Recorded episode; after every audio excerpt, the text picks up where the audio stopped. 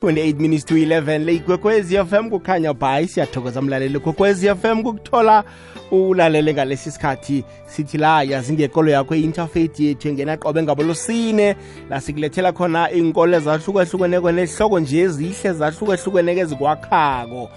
Ngithembisile ngathi ngalesi sikhathi-ke ngiyokuhambisana la nomfundisi umabhena. Ngibuye kuthi ngikhambisane eh nomshumayeli wamanazaretha ubaba uhlalithwa ukabini? Sitshetshe indaba ekhulu lapha kwethu. Ukuthi nangumfundisi uphethe ibandla lakho nandre athengwa nande athengwa ayokwenza umsebenzi ongaphandle kwebandla lakho anandre ayokuchadisa anandre ayokubulunga into ezifana nalezi bambhadele. Ya khono lakhe nesiphiwo sakhe siyambhadela. Mfundisi aleluya eh ya bakhona ke abafundisi bami namhlanje ke eh begoduke nawe ke asikuvaleli-ke ngaphandle. Into ezifana nalezi ziyasithina mlaleli gokwezi FM kufanele ungene nawe phela ukukhulume ubeke wakho umbono kuzwakale. Ya inomboro zethu uzihlole phasi ungasabi eh ukuthi 086 ngiyongena emoyeni leyo nabo 0 abayi-3 bese ithi 3278 086 000 3278 nawenze bunjalo hayi uzokuba right. 0794132172 iwhatsapp voice note nawufuna ukuyirekhoda uyithumele sesenesikhathi 0794132172 konke kuza kuba semnananeni akhe ngithome ngembuduma la. Eh mfundisi mabhena lotshani. Eh minjolof angikuthokoze nabalaleli bekokwezi f m ngimlotshise ntambama nje ngithi ngumfundisi mabhena udr luke listen and decide siyathokoza mfundisi ami emshumayeli wamanazaretha eh hlalithwa sokwamukela kukhokwezi m? Intambama ayibehle kuwe ndlo intambama ehle kumfundisi nomlaleli wekhokwezi f m. Siyathokoza ki leyo ndawo 25 to 11 namhlanje ke la siphethe indaba ekulu indaba yabafundisi. Sifuna siphenye ke phela siphenye siphenye ebhayibhelini bona sithi siyenza nje ibhayibheli iyazivumela na? Imanuwali yempilo leya iyazivumela na? Ukuthi senze njalo. Ngifuna ukuthoma ngumfundisi wami la eh, umabhena. Mfundisi nasi isihloko sethu akho sindlalele sona namhlanje. Ithini ibhayibheli ngesihloko sethu sanamhlanje? Eh ngikuthokoze mindlo lapho ngithokoze nohlalitho babukabini ngiyakulotshisa mfundisi sami eh ngifuna ukuthatha leli thuba ngithi eh mindlo love eh isihloko sethu lesi ngifuna mhlamba abalaleli bangizwe kuhle ukuthi eh nange sindlalako ngizothi kunekinganyana lokha umfundisi athengwa ababantu ukuthi akoyokubulunga ngoba asiyazi ukuthi isukelaphi ukuze bamthenge. Mhlawumbe nguye okuhamba um atshela abantu ukuthi ngiyakhona ukungcwaba ngiyakhona ukuchadisa ngiyakhona ukwenzani eh izani eh ningibhadala imali ethize. Kodwana abantu nabamaziko umfundisi mabhena beze bazombawa ukuthi umfundisi mabhena noma singasondi nawe. Kodwa sikubonile ukuthi unekhono lokuthi ungasitshadisela bentwana namkha ungasibulungela isihlobo sethu namkha sikuzwile na ubulunga kwelakho isondo ukuthi uyakhona ukududuza kuzwakale imindeni isale ichapulukile emoyeni ngenxa yenduduzo yakho. Siyakubawa-ke ukuthi uzosisiza ekhaya lethu. Umfundisi-ke siyazi ukuthi njengoba mhlambe singasondi naye mhlawumunye kumele simthokoze ngokuthileko ngoba nasifunda umhlolo wezwi likazimu uclear wena mindlo lavo ukuthi loyo ochumayelako incwadi yami ilapha kwabasekorinte bokuthoma first corinthians chapter 9 first corinthians chapter 9 umpostoli paulo nawusithoma nayo from lapha esahlukweni uyokufika lapha ku ku-27 uzama ukuhlathulula indaba le. Kodwana ke eh, kunalapha ayibamba khona iqinisekisa. Mhlawumbe ngizoyifunda ngithome lapha ku-10 eh first corinthians chapter 9 verse 10 eh lithi ibhayibheli kanti bekangakaqalisi ngakithi na lokha nakhuluma athi oh iye lokhu kwaxolelwa thina ngombana lokha umlimi nakalimako nombhuli nakabhulako lokho bakwenza ngethemba lokobana bazokwabelana isivuno. Okusho ukuthi imindlo lawo na ungibawako ukuthi ngingumfundisi mabhena ngizokuchadisela umntwana namkha ngizokubulungela eh eh isinini sakho kumele wazi ukuthi wena kukhona ozokuthola kimi nangiza kuwe. You are going to gain something. Manje ke nami nangiza kuwe kumele kube khona engikutholako. Kunomehluko ke nasithi eh uyangithenga.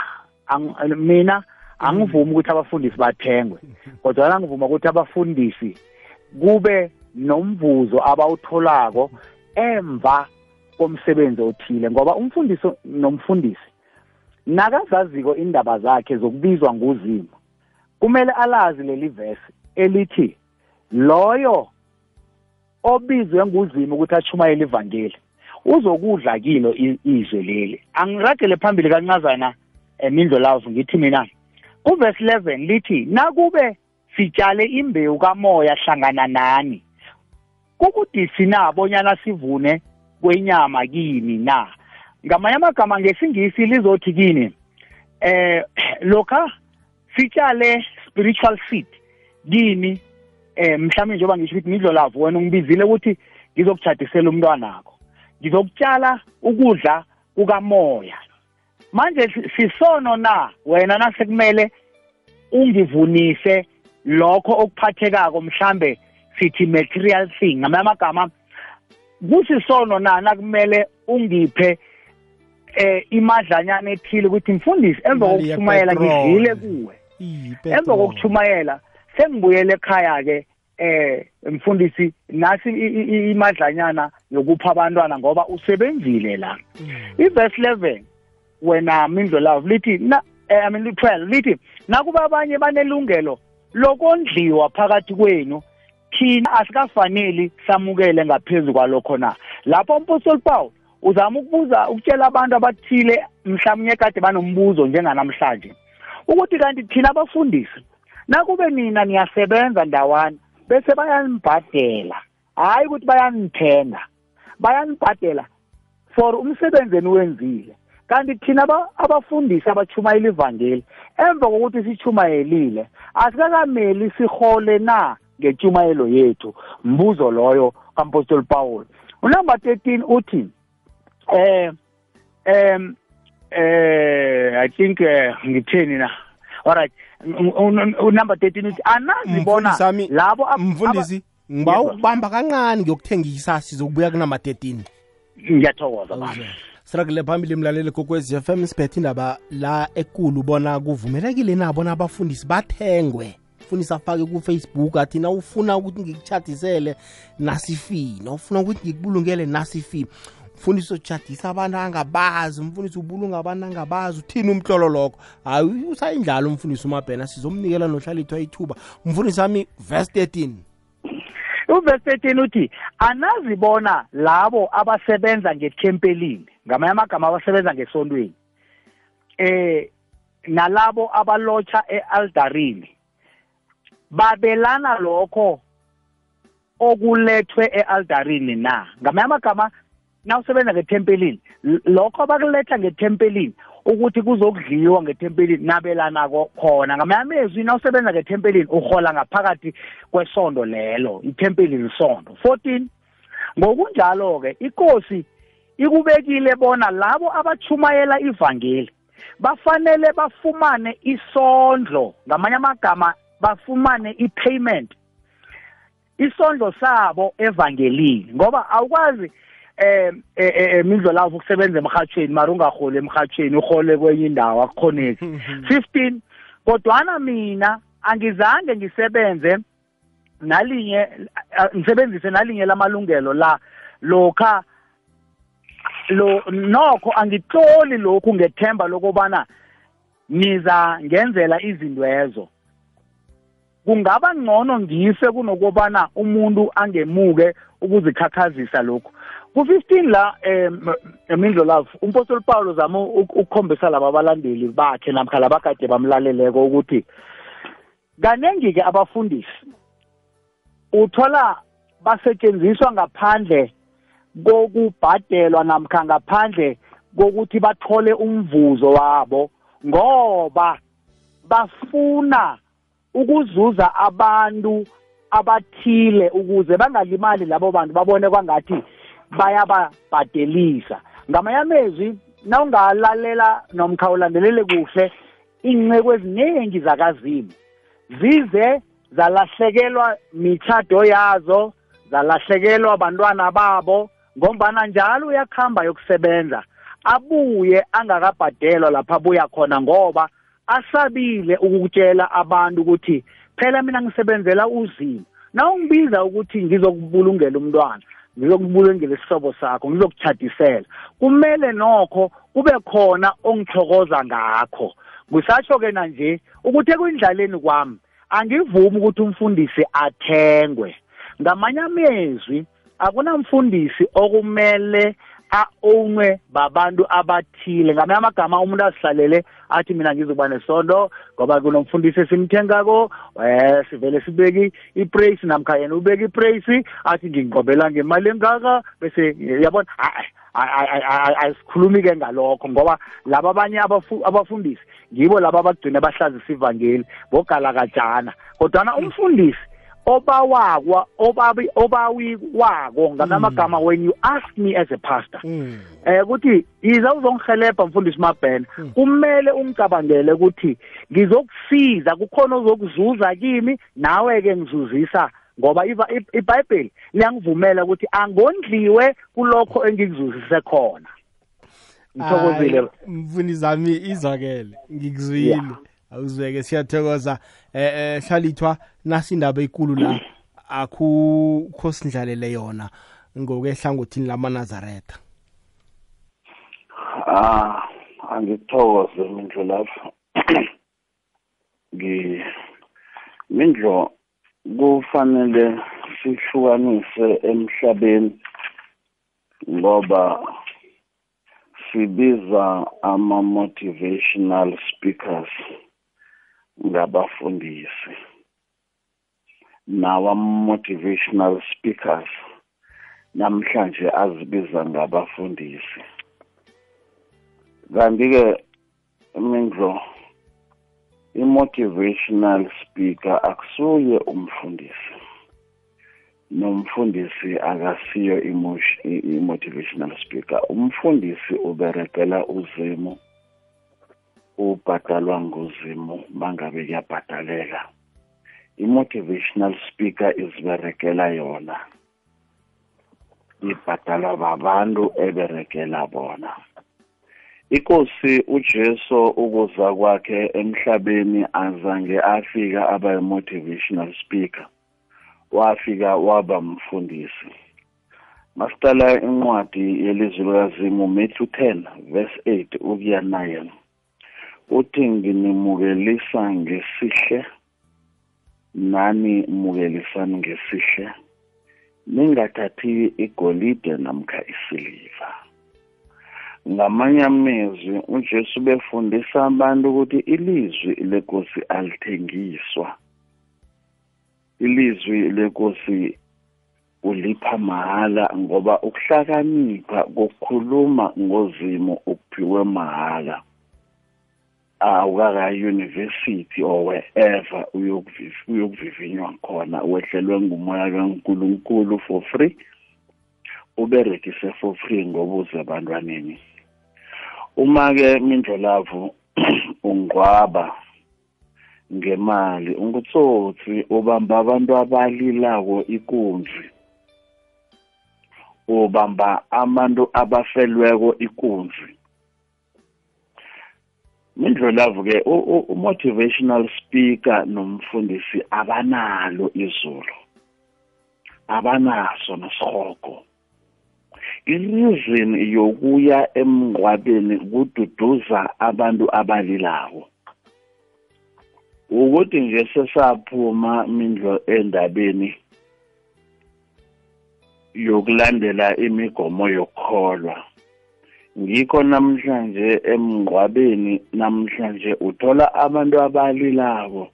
Kuba ngibo abaphiwa ithuba lokududuza abantu abangaliliko angathana ngibo abaduduzako.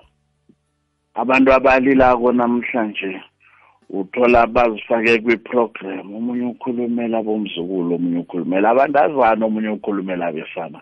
Omunye uzokhulumela bomzala omunye ifamily yonke iku-program laba ngathana bahlezi phasi siyabaduduza.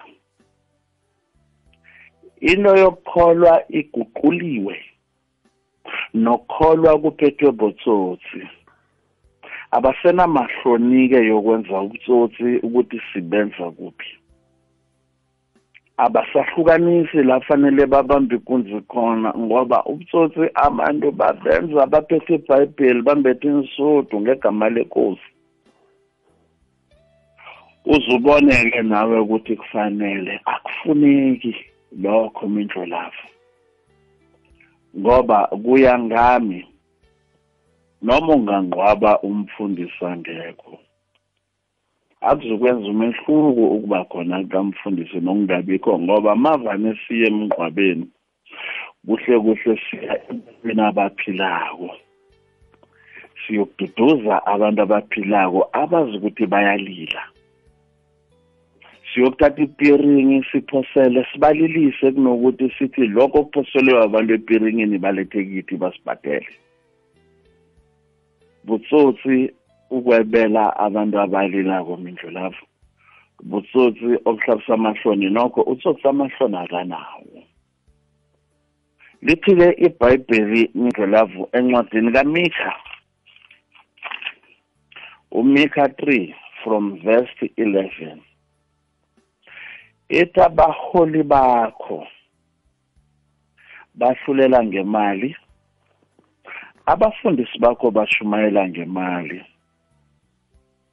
Abaprofethi bakho baprofetha ngemali ngoba basukile kuNkulunkulu. Benza kwemhlabeni abasenzi kaNkulunkulu. Imali ke siyazi lithi iBhayibheli impande yesono. Libuye iBhayibheli ku-First Timothy 6 from verse 10 ngokuba ukuthanda imali kuyimpande yakho konke okumbi phasi kwelanga. amaHebheru 13 verse 5 ngabafundisi bakho bathanda imali. Kuningi-ke ebhayibhelini lapho mindlolavu ibhayibheli ikhalima ukuthanda imali. Ukwenza umberego kaNkulunkulu akusi-career but i-calling uma-ke une-calling kaNkulunkulu kufanele uhlukanise-ke ukuthi imali uyisebenza njani. Ithi incwadi kaShembe umthandazo wokuvuka. Ekupheleni kwalomthandazo thabatha igeja ulime uzophila ngakho. Kunendima ethi noma ungumfundisi ubozifundisa wena ukukhuthala abantu ukuthi bazi ukuthi wathi uNkulunkulu kaAdam akusetshenzwe. Abantu bazokuthini wena mfundisi nawumthwalo phezukwabo na? Kodwa namhlanje ngaphandle mindlo kokuthi umuntu mhlambe uyachadisa ngemali uyangqwaba ngemali kodwa ngemasondweni kunabantu ababhalelwa kusonda ngoba abanamali umuntu uyazihlagela uyokufuna unkulunkulu uthola utsotsi ngapho ufuna imali. Then mawuhluleka kunikela utsotsi lo imali uba senkingeni sihle sivakasha-ke emasondweni abotsotsi. Abazi lapho kuyibiza ukuthi oh, baphatha nemshini yebhanka. Abantu abasakhipha imali bayaswipe bathi bayanikela. Umuntu athatha isilulu ba-thousand eh, awaphe nguzimu ukuthi ondle umndeni akhe ayokondla indoda enye nomndeni endoda leyo basho ngumfundisi umfundisi akanalo izulu umfundisi akanaso isihogo. Ukuthatha imali abantwana bakho uphi umfundisi angekhe kwakwenza ukuthi uye ezulwini.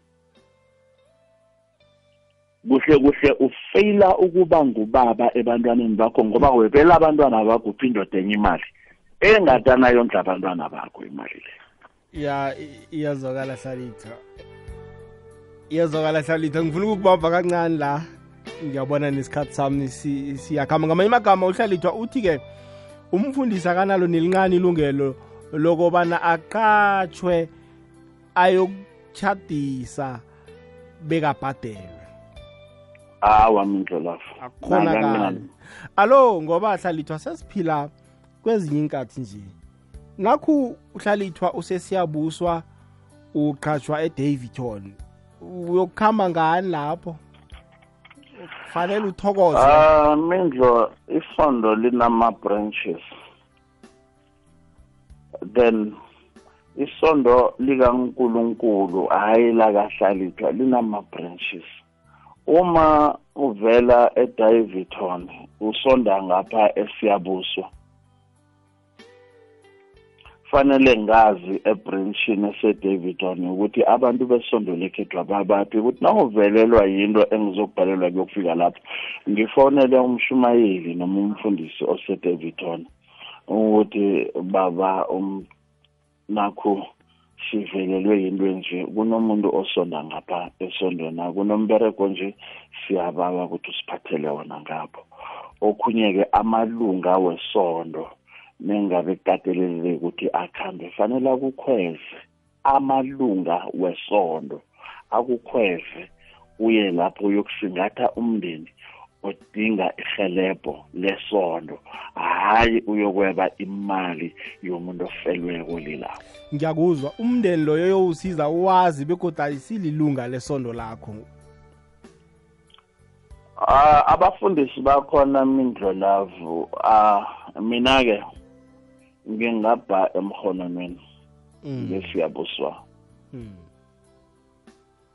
nganingi mina ngiyangqwaba for free. Ngoba la kunabantu bakaNkuluNkulu ngisayivangeli ebantwini bakaNkuluNkulu. Rather umuntu obhubhileko angiliyisi ivangeli kuye. Nedingisa abantwini bakaNkuluNkulu abahlangeneko. Ngiyobafundisa ngokupha ngibafundise nangakho konke. Umshumayeli akusingimngedwa uhlalipha abantu kene babhalelawo ababize abantu abaseduze. Angeke senze i-excuse yokuthi umuntu ukude and akasondi. It's irrelevant umuntu osejoburg ongachiya bonke abafundisi endleleni abatsho uzokufuna mina emhononweni ngiyomnqwabela edavidton noma ejoburg abafundisi bakhona ngejoburg izwakele kuhle kuhle ngigqugquzela abantu ukuthi wonke umuntu asonde kunokuyokuthenga batsho uthenga umfundisi. Or umuntu uzeba mngcwabe babodwa ifamily akunankinga lapha ngithi vele bekangasondi.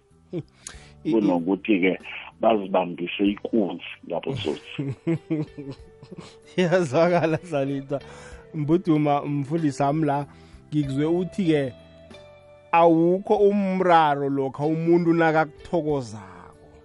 Hayi ukuthi akubhadele. Kodwana umuntu kufanele athokoze. Um indlela um ukuthokoza lokhu singathi mhlawumunye nasibeka lula ngikho ngikho lokho esikubiza ukuthi ukubhadela. Kodwana ngala leli gama elithi umuntu uyathengwa. If i buy you to bury my brother namkha nangikuthenga ukuthi uzongingcwabela kusho ukuthi sengiyaku-owna into ethengwako musi iba ngeyakho. Kodwana na ungibhadelako for umsebenzi engiwenzileko awungithengi ni. Uyangibhadela ngoba ngiwenzile umsebenzi lo njengoba ngikuvulelele la verse ukuthi ochumayela uza kudla khona lapho ekuchumayeleni kwakhe. Nangi eh ngizwa amaphuzu kahlalitho amanye a engifuna ukuthi mhlambe ke ngiwangenele kancazana leli elithi em umuntu nakakubiza mhlambe ase Johannesburg wena ungapha ngemhononeni ikinga leyo. Mina ah solo mhlambe ngathoma ukukholwa angiboni kuyikinga na umfundisi othile owazakhela lento esibiza ukuthi yi-brand. Abantu bayakwazi ukuthi uspecialize ngani uspecialize ngokududuza nakududuze wena kuloyo mngcwabo. Abantu bayakhona ukuba namandla njengoba uhlalithwa atsho ukuthi sizele laba abaphilayo asisakhulumi ngaloya ohlongakeleko. Ngiza la ukuzoniduduzela ukuthi namkha lo oleleko osihlobo senu sekalele ukhona uzimo ozaniphakamisa anenze nibe ngcono. Ngamanye amezwi nangisuka ngemhononweni ngiya ngejohannesburg angikwazi ukuthatha imali enginganayo mhlambe or ngithathe le ebekade ngiyisebenzile yabantu abami ngiye ejohannesburg. Ngaphandle kokuthi nginitshele ukuthi nina nisejohannesburg njengoba ningifuna ngithelelani ipetrol bese nangiqeda ukuthela ipetrol mina ngikhona ukufika lapho ngikwazi ukuniduduza kodwana ekhunye engifuna ukukufaka mindlo love ekufakwe ngubaba uhlalithwa indaba ye-motivational speaking. Nokuba ngumfundisi. Into ezizimbili kuhle kuhle ziyahlangana eh ziyinto eyodwa. Kodwana ke somewhere somehow zihlukana ngokuthi umotivator kuphi umotivate ekeregeni namkha umotivator labo bantu abasebenza ekhampanini ethile. It depends ukuthi wenzeni ngoba bakhona abafundisi abaspecialize nge-motivation bayakhona ukuyenza i-motivation iyodwa eh ama-charging wakhona ahlukene nalokhu obufundisi into engiyalako nje mindlo lavo mina engizokuqaqisela yona nje ukuthi njengoba ubaba uhlalithwa athi kunabogalajana babafundisi uqinisile kunabafundisi aba mhlawumnye abafuna ukuthi kubhadalwe imali ozibonako ukuthi mara lo muntu lo uzoyithathaphi imali engaka? Wena mfundisi ngoba kuyabonakala ukuthi uya uya uya uyam overcharger or umbhadalisa imali angenayo. You must not do that. Baningi abafundisi abasonele igama ngakuleyo ngcenye kodwa nengizama ukukuveza la ukuthi na umfundisi of full time ebufundisini akusike ukuthi awufuni ukusebenza. Mhlambe you are lazy. Uphikisana nebhayibheli ukuthi omunye nomunye uza kudla iy'thukuthuku zakhe. Uyazi um mindlelazo ukufunda ibhayibheli bese uthandazela abantu labo oyobachumayeza kwenza ukuthi uzimu azwakale ngconywana kunomuntu ofunde ibhayibheli nje angazange athathe isikhathi sakhe athandaze. In other words a full time pastor uthatha isikhathi eside afunda izwi ukuthi zimi laba bantu ngiyobachumayeza ntambama ngithini kibo? Bese uzimu uyamphendula uyithatha ilanga lonke ukuyenza leyo nto leyo. So when you go out uyokuchumayela. Abantu bazokuzwa ngcono ngoba uzimu uthandazile. Awuthathanga into yokufundisa njengento nje eh yokukhuluma nje ukuthi hayi mina ngikotshiwe eh nangijamako nje phambi kwabantu eh abantu bayangizwa. Abantu kumele bakuzwe ngesembathiso osembathiswe ngezimo lokha nawuthandazako. That's why sivamise ukuthi kunalabo bafundisi aba abakhona efieldini basefieldini full time. Bayawenza lowo msebenzi full time bayabonelelwa. Kungakho nemasondweni amakhulu amaningi abafundisi labo bayabhadelwa. Amalunga webandla njengoba ubaba uhlalithwa bekatsho na uyongcwabela wona akusabi nenkinga ngoba lelo bandla liyabhadela li-take a full uh, responsibility yokuthi bakuthelela ipetrol bakuthengela ukudla bakubhadele for loyo msebenzi oyowenza kulelo bandla namkha kwenye ibranch lapho uya khona. Kodwana lo muntu onganalo isondo lo muntu olithandako isondo mara azange abe nalo isondo waze wabhujelwa namkha waze wakhulelwa mntwana ukuthi achadiselwe nakazongibawa mina ngoba angazi ukuthi nginaso leso siphiwo kumele afike etafuleni ayibeke into ethile ethi mfundisi for ukuza kwakho nasi imali epetrol for ukungisebenzela nasi imali yabantwana bayokudla ekhaya ngiyathokoza mindlo lawo ya iyazwakala kuleyo ndawo. Ngifuna khe ngithathe la nginikele umlaleli gokwez f m nakhe kabeke eh elobodlana mindlo love eh ngilotshise nonke nenthekeli zakho ngemhathweni ngilotshiswa ngu-uncle sam isokana la ngesihlakwane um mindlo lavu yabona kunezinye izinto zizintshijilo kithi ikakhulukazi endlini enzima. Kokuthoma nje awuzoqhatsha umfundisi. Ngamanye amagama kufanele umbhalele wonke umlando ngokuziphatha komufi lo azobe azombulunga ngaleso sikhathi. Ngobanyana uyobe angazi litho ngaye kokuthoma ziningi izinto azozikhuluma lapha. Ngakhuluma athi isokane elilele lapha isokane elilungileko elisabuzimu elilalelako ekhaya lingathwenyi. Kanti umuntu lo bekasibamba ikunzi agcekeze emakhethu asebele izinto enza zonke into ezi. And thothi i-99 and a half percent into azenzileko umntwini oleleko loyo bekenza izinto eziphume endleleni. Alimaza abantu. Ngapho ukhuthola ukuthi bekamgagadleli then bese awuyire umfundisi.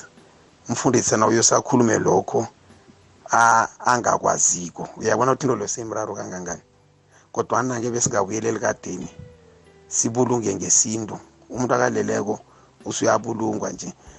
Qalani musibobaba nabobaba ukabini kokuthoma ibox ngekhe labhalelwa kwehla ngobanyana bathi umfundisi angekho. Iyashi ngekhe yabhalelwa kungena ekhaya ngoba bathi umfundisi angekho. Zonke izinto ziyenzakala ngaphandle komfundisi.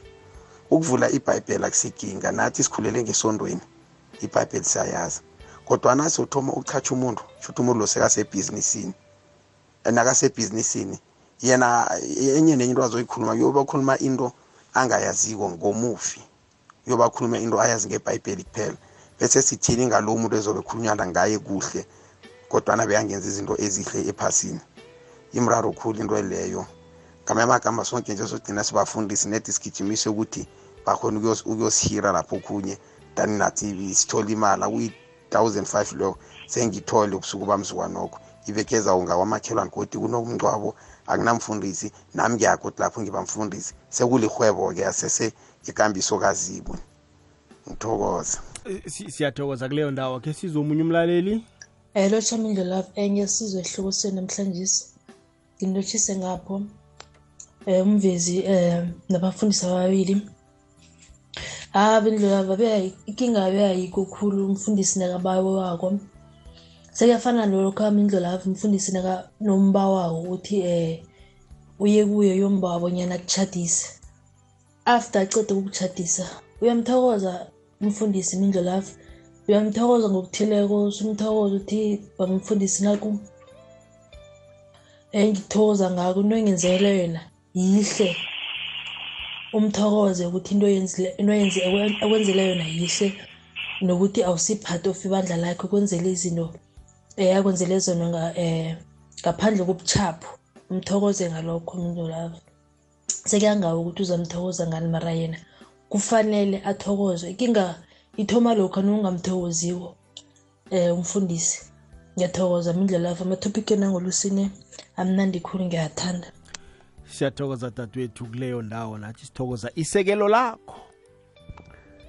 Nangu nangubaba umagubelo ngethokoza pha ngiyamuza ubaba umabhena kutsho ukuthi ngamanye amagama umfundisa ngenze ofisi yakhe lapha i-private priest. Laba bangasondiko bajinge khona bokubhadela nofana inyanga nenyanga bathi nakowethu umfundisi mhlambe nokuhambisana ne-society nofana namakhaza akhe sithi semtshadweni-ke u-mc uyabhadelwa kodwana umfundisi kuthiwa achadise mahala.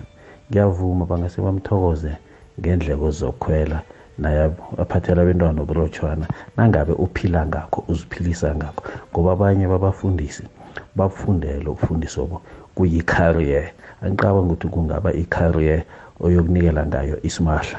Sake sathi semgcwabeni ufundisi unandi uyalayelisa ukuthi sengiyakuhamba abamtsheji wagqina likhupha ngesihloko.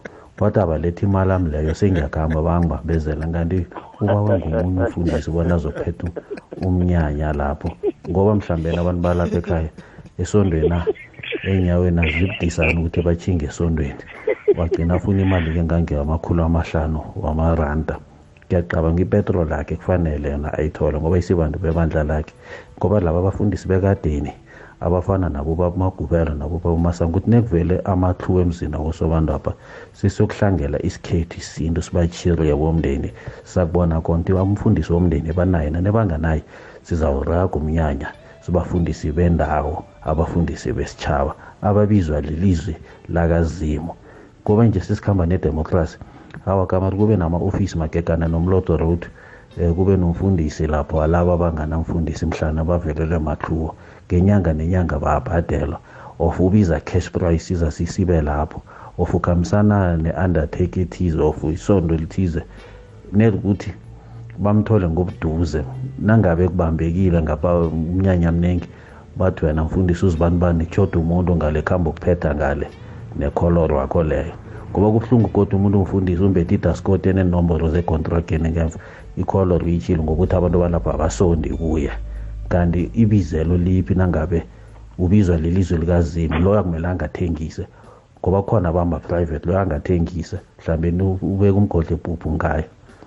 Kuba magubelo ngiyathokoza. No siyathokoza amagubelo uzwakele kuleyo ndawo. Ke ngidobha umlaleli omunye la kokwezi lelo channel okay. Ikokwezi Hello, kunjani baba?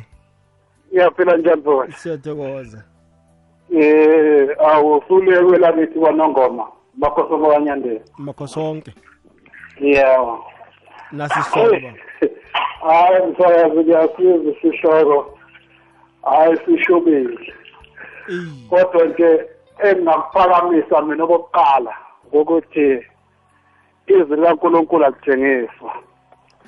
Izwi- Izwi likaNkulunkulu lisakubantu ngoba wona ungumgcotshwa ungokhethiwe uyisithunywa sikaNkulunkulu ukuthi pholisa abanenhlungu duduza abafuna ukududuza.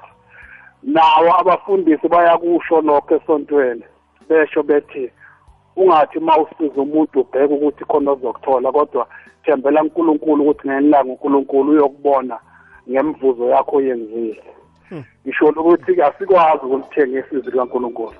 Izwi likaNkulunkulu ukuthi silendlulile. Mm, bese-ke nebuya ephuzweni lokuthi ngiyabona abafundisi bayakhotha bakhotha emabhayibhelini. Kwesinye isikhathi ngibona ngathi nomfundisi nomfundisi ufuna ukubheka i- iva- izwi elizohambelana nalokhu yena akubona ukuthi kulikho kodwa uma ngiya kubaba uhlabisa ngiyayithanda inkulumo yakhe.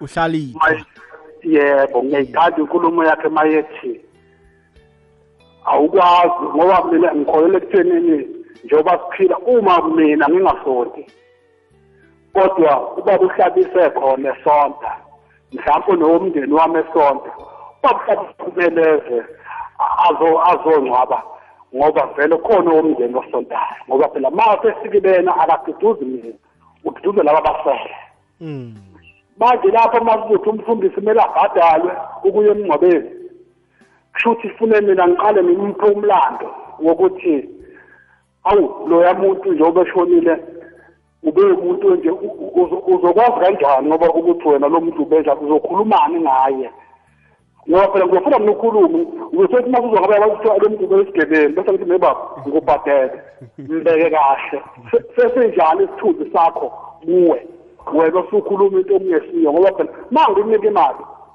ngizofuna ushokho engufunayo ngoba noma ngiqasha umculi ukuthi azongiculela utshela yini ukuthi ngifuna umculi khathi ngeke uzokubhadala imali engaka ngisho ukuthi cha asingakuthengisi izwi kaNkulunkulu. Ngiyakuzwa. kodwa asimnenevele kubantu simfake lingene ukuze wonke umuntu ajike aphenduke akhona asingakuthengisa ngibonga siyathokoza nyandeni eh babumakhosonke kanti Yeah. kukatelelekile bona umfundisi ukhulume ngomufi na? Kana ukakazeli kuzokududuza abaseleke umndeni. Ngikhulumani ngomufi? Kodwa kuyadingeka kithi msakazi ukuthi ma ngimile ngizobaduza vele abakhona kodwa kukhona okuzovela phangithi awukodwa lwengane. Ibi ukuthi nokuthi emhlabeni ngizothini mina uma ngingazi lutho ngayo? Sakuzwa makhosonke ngiyabonga siyathokoza baba siyathokoza baba Ngizokuza kubafundisi bami la Eh, akhe ngiye kuhlalithwa hlalithwa kanti umfundisi obu akusimsebenzi kwabanye abantu na? Sikhuluma iqiniso. Asisho sinabo utitshera sinabarhatshi sinaninani Mm. ubufundisi obu ayisiwo umsebenzi na? Kube njani nginguthombeni nje? Kumsebenzi ami ngibizwele lokho ephasini bona ngibe mfundisi. Nasi sengizokwenza izinto simahla ngizokudlani asithi-ke mfundisi uthombeni phela unande uyagula unande uyabambeka. Uhlala ithwalo nekasesondweni lakho aphana ubambekileko ah ngoba ukhambile akithi ngibambe inkonzo ngisherela na? Nabantu abaqulako ngesondweni uyabasherela na? Umberego lo sengwakho wadatsotsi kuyaculwa la abantu babetha amabhendi abantu bayaparticipate bonke ngesondweni. Waye kuhola utsotsi munye? Bangaholi bonke abantu abamangabe siyahola and hlalithwa ya inetwork kathi izosiphazamisa hlalithwa usesekhona okay. Izokuhamba ngiyo mqala eh mfundisi mabhen yes baba. Ngiletha iphuzu la bona kanti ubufundisi obu? Akufiki la kuba nami icareer yami. Ngiyifundele itheology. Umraro ukuphi nangibhadelwako? Cala nje ngiyahatsha ngiyabhadelwa ukuthi ngiyahatsha kuhluke ngani ubuhatshi nobufundisi? Ya kungakho mindlo love incwadi engiyifundileko le icacisa ngokuzeleko lokhu eh engikuchoko nalokhu wena okufakazelako ukuthi sekuya ngomuntu othile. Na ikinga ekhulu eh bram ukuthi thina abantu sisuke saqala abafundisi ngelinye ilihlo ngebanga lalabo bafundisi. Abasuke mhlawumnye baba bogalatshani njengoba ubaba uhlalithwa asho. Kodwa ngifuna ukuthi mina akusibo bonke abafundisi ababogalatshani labo ababogalatshani sekuya ngawe ukuthi wena uyafuna ukusebenzisa ugalatshani mina ngithena ngikhuluma-ko ephuzo elinye ngilibekile mindlo lavo ngelokuthi omunye nomunye umuntu namkha omunye nomunye umfundisi uzakhela igama esithabeni asebenza kiso. Bese leso leso sitshaba siyakhona ukwazi ukuthi umfundisi mabhena nakubulunga yena namkha nakuchadisa yena siyazi ukuthi baningi abantu abazokusizakala. Ngoba uma ubufundisi ububi ububizelwe nguzimu ukuthi ube mfundisi kukhona isithaba osakhako. Ngombana ngizwile abalaleli abaningi nawuthi uyezwa amaphuzo wabo eh indaba yokungcwaba bathatha nje ukuthi sekumele umane uthathe umuntu uyomfaka emgodini njalo njengakade and all that. The, the, the, the fact of the matter is wonke umuntu ohlongakaleleko kunobuhlungu abuzwako okumele ukhulume ukuthi ubuhlungu lobu uzobukhipha bunjani. Qala khe ngibekise uma abantwana balahlekelwa babelethi bobabili engozini yekoloyi awukwazi kumane uthathe labo babelethi namkha eh lezo ntumbu uyozifaka emgodini ngaphandle kokumotivate utshele laba bantwana ukuthi bantu bami uzimu uthi nginguyise lendandane uzimu uzonondla and ubatshele ukuthi uzimu nakatsho njalo utsho ukuthini. Uzokuvusa abanye abobaba avuse abanye aboma abazokhona ukunisiza njengoba ababelethi benu sebalele ngamanye amagama nawumfundisi uzazi indaba zakho uzokhona ukuchiya loyo mndeni uhlathululekile lapha ehloko. Sengizama ukuveza nje ukuthi abalaleli bangacabanga ukuthi umfundisi nakayokuchadisa uchadisa ngoba aqale isikhwama sakhe ngoba azokubhadela. Namkha nakayongcwaba uqale no. Umfundisi obizwe nguzimu ulapha isitshaba esikhona kuleyo situation. Noma ngibizele i-graduation noma ngibizele ngisiphi isimo uma ngimfundisi ngizazi indaba zami. Ngizongena ngisiza abantu abalapho babuyele emakhaya abangcono kungakho-ke ngithile ngathi ibhayibheli lithi lokha nawuvunako kanti akwakaqali njalo nawutshalako kanti akwakaqali ukuvuna na? Ngiyathokoza mindlela iyazwakala mfundisi wami ngifuna sijike ngapha sizokubuya. Kuqakathekile ukuyelela nokufundiswa ngobujamo bokuphila kuhle kumkhumbulo nokuthikamezeka kwawo. Faka isandla nelizwi lakho nawe ngokuthi ufundiswe bewufundise ngokugula komkhumbulo. Ngokwenza njalo kuzokusuka isinamathela nenkulumo ezitsimako ngokugula komkhumbulo. Hashtag. Asenze ukuphila kuhle kumkhumbulo kube ngewomuntu wonke sirakile phambili la 17 minutes past 11 ngizokuya kuhlalithwa la sicedelela ikulumo yethu. Khe ngizomlaleli kokwezi lotsha? Yes sonke la. Kunjani baba? Siyaphila kunjani? Siyathokoza. Aha mani ngiyathokoza nami ukungena emhathweni namhlanje ngiyathoma nokuthoma. Siyathokoza um mani ngiyabezwa abafundisi bami bayibeke indaba Mm. mara mane inkulumo engiyithandile yakababa ukabini ukabini ukhuluma iqiniso. Uyazi ukubhadala umfundisi and bazokhuluma into engekho ngomuntu nasalele. Hayi kungakho abobaba abaningi ubona singasayi emasondweni singafuni ukuya emasondweni ngoba isondo lingele omuntu seselisondo lukazimo baba. Mm. uyayibona? Ngiyakuzwa baba. Ya umuntu uyangcwatshwa noma umfundisi angekho Mm. ye. Manje Ngiyabonga. kanti ngonjani ngabe ngenjani laba bafuna ukuthi ne muthi umfundisi abhadale? Seyibhizinisi kanti ubaba yena mhla asebenzile emakhweni abambhadeli na?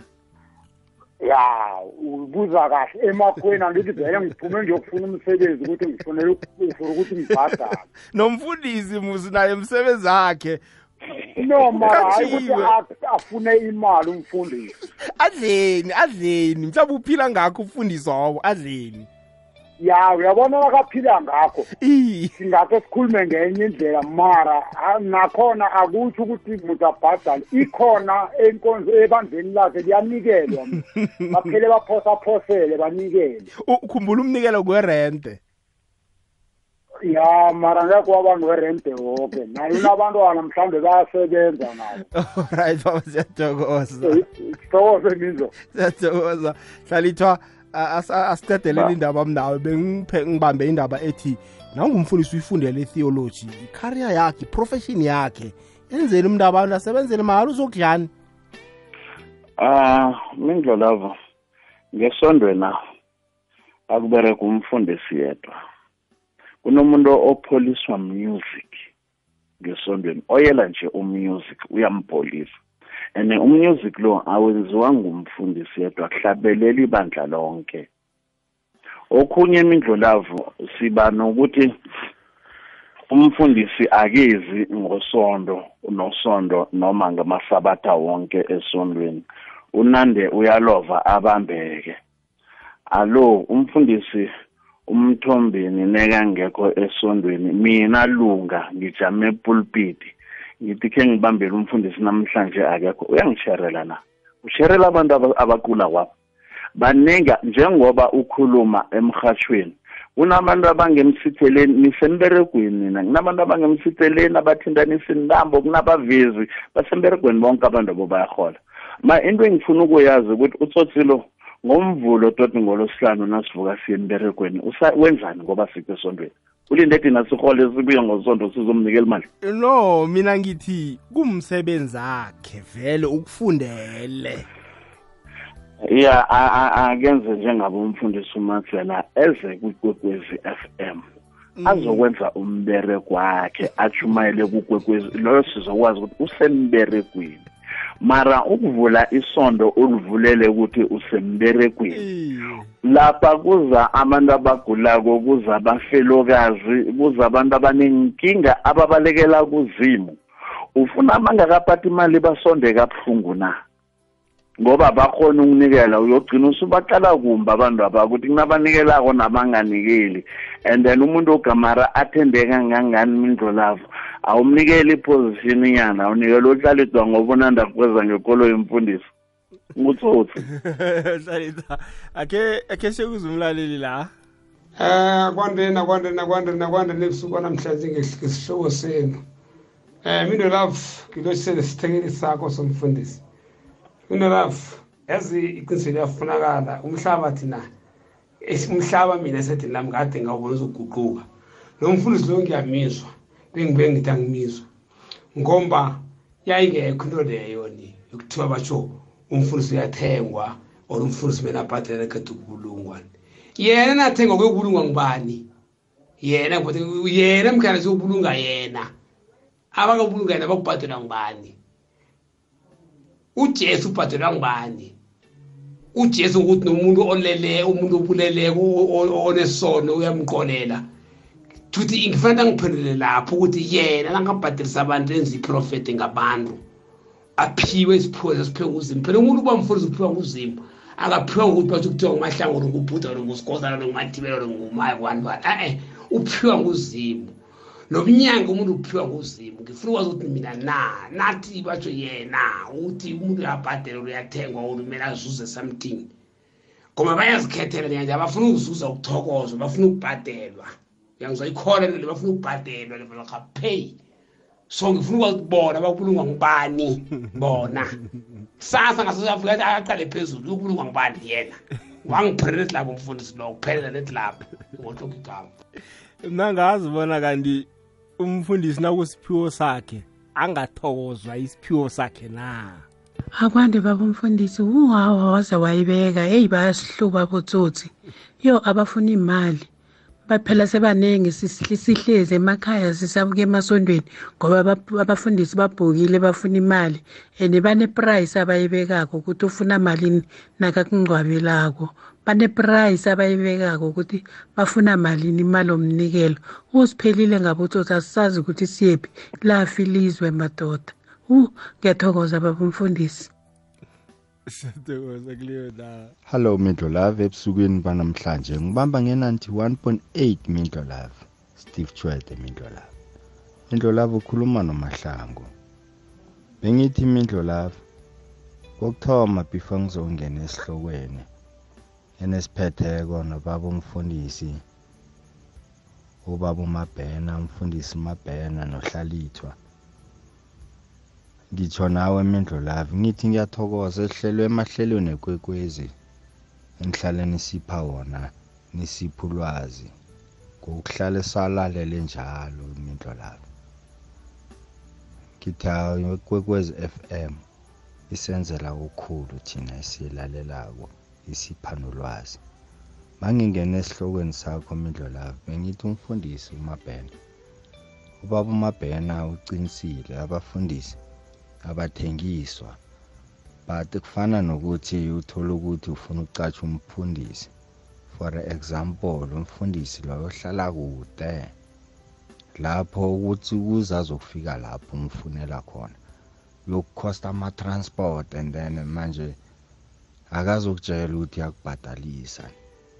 Maybe makube ufuna ukwazi ukuthi uzamthelela maybe ipetrol ufika lapho. Uzasakubuza athi hayi ngeza mara ma ungangithelela ipetrol ukubuya akunankinga. Nawe ngeke wasitakisa maybe ipetrol ngaleso sikhathi isimo sicalene nawe. Uzomtshela ukuthi eze mara makajika angeke wamnikeza le mali le yavele ukujika ukuthela ipetrol uthajile uzomhawukela umnikele extranyana lapha ukamthengi. Umbongile ngokuthi ukuphethele umsebenzi and then izandla ziyagezana midlo lapho so ngokutsho kwami njalo ngingabe ngingabi mude ngidedele abalaleli bekwekwezi FM abalaleleko. Ngalesi sikhathi lesi mindlo lavo kukhanya ba emrhatshweni siyathokoza baba. La o- okwakhona sikhuluma ngomfundisi othengwako kungoba ilungeli belingasondi. Ingasi umfundisi obhadelwa ebandleni lakhe. mindlo lapho akhuthalele ezimfaneleko angilotshise nobuholi bonke obukhona lapho babafundisi. Solethe okuhle masilethe mindlo lapho ngithanda ukujama ngakubaba uhlalithwa ukhuluma iqiniso elimsulwa njengami eh, eh, ngingumfundisi ngaphasi kwebandla. Eh abantu bonke abakhona emhlabeni kuba abantu bakazima abantu bakazima akusibo laba osonda nabo ngaphakathi kwalela sondo osonda kilo manje awukwazi ukuthi uthi wena usebenzela uzimo mara kodwa uthatha imali ebantwini mara uthi usebenzela uzimo ekubeni uyongcwaba omunye umuntu kazimo noma ngaba kasondo esondweni lakho mara uma umuntu kazimo ngiyathokoza bakhuthalela ezimfaneleyo solethe kuhle masibuyele siyathokoza dlambili kuleyo ndawo. Hayi isikhathi sami la sesingiphelele la ngifuna ukuthatha wokugcina nginikela abafundisi basongele indaba yethu namhlanje. Hayi midlalavu midlalavu abafundisi banje abasafani nebakade laba abanjenge bengikhathi zokugcina abathanda imali. Into yabo yonke imali nokho sakuthandazela ufuna umberego mntu ufake imali. Nawuba umthandazo ugula mntu ufake imali. Nawe ungena esondweni lakhe apho uyabereka urhola five thousand ngenyanga. Wena mntu wazi ukuthi inyanga nenyanga ukhipha five hundred rand uphilwa bakho bonke vele noma ungathi uyayo kuphi la bakhona bashumayela nedi imali kuphela. Yonke into yabo seyikhuluma ngemali zinkathi zokugcina lezi. Ngiyathokoza. Siyathokoza kuleyo ndawo. Alright okay. Kokwezilo alright um ngifuna ukuyivala nje mfundisi mabhena la. Abantu balimela abantu balimela abantu nawuphatha indaba yemali uyihlanganisa nesondo abantu abasathembi. Eh bathi ungutsotsi nawufuna ukuthokozwa. Amagama akho okugcina mfundisi? Ya mindlela njengoba utsho ungisongela yona kamnandi nami bengifuna ukugcina ngalawo magama ukuthi abalaleli abaningi nangathi uyabezwa eh ukufaka naye umfundisi uhlalithwa kunabantu namkha kunabafundisi ababe abaye babagalaja babenza ukuthi bazonde abafundisi ababawa ukuthi nangizokusebenzela mina ngiyakubawa ukuthi ungihlangabeze ngombana angizukukhona ukuza ngejohannesburg ngihlala ngemhononini ngize ngemali yakwami kanti ngizokusebenza kwakho. Ngibawa ukuthi sihlangabezane ngokuthi ungithelele petrol ngoba ngiyokuthatha isikhathi sami ilanga lami lonke ngiyolisebenza ngapho ngejohannesburg kumele nangibuyele ekhaya ngibuyele ekhaya ngiphethe eh ukudla kwabantwana bami ngoba babuya ngibuya emsebenzini. Ukhe watsho eh eh mindlolavo wathi uma mina ngingumfundisi kuyi-career yami ngikufundele ubufundisi. Ngikwenza lokhu ngoba nguzimo ongithumileko. Kumele ngidle khona lapho ekuchumayeleni manje ngisatsho namanje ngithi mina asihlukaniseni abafundisi abathengwako nabafundisi laba abathokozwako for imisebenzi abayenzako. Ubaba uhlalithwa uthe eh umfundisi nakangekho abanjelwe ngomunye umfundisi namkha abanjelwe ngelinye ilunga lebandla ngilapha ngesontweni kukhona abahlabelelako eh bona babhadelwa na? Amabandla amakhulu asekazihlukanisile lezi zinto bayakhona ukubabhadela bonke laba bantu.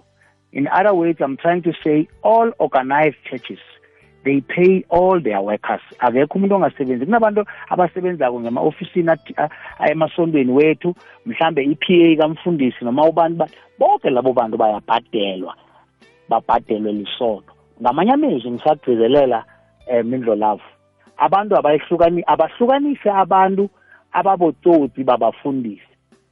Babahlukanise ke labo bafundisi abathi ngithunywe nguzimu ukuzokusebenzela kodwana ngizukusuka emhononweni ngejohannesburg ngemali yakwami. Uzima uyangivumela ukuthi ngikubawe wena engizokusebenzela ukuthi ungibhadele. Ngiyathokoza hlalithwana sithokozile um mfundisi umabhena ngiba ungabeki phasi ungibambele njalo. Hlalithwa amagama akho okugcina nawe uyisonge? Eh angazi mindlolavu amabandla anjani. Thina lapha eNazaretha umshumayelo omunye uyafana nomunye.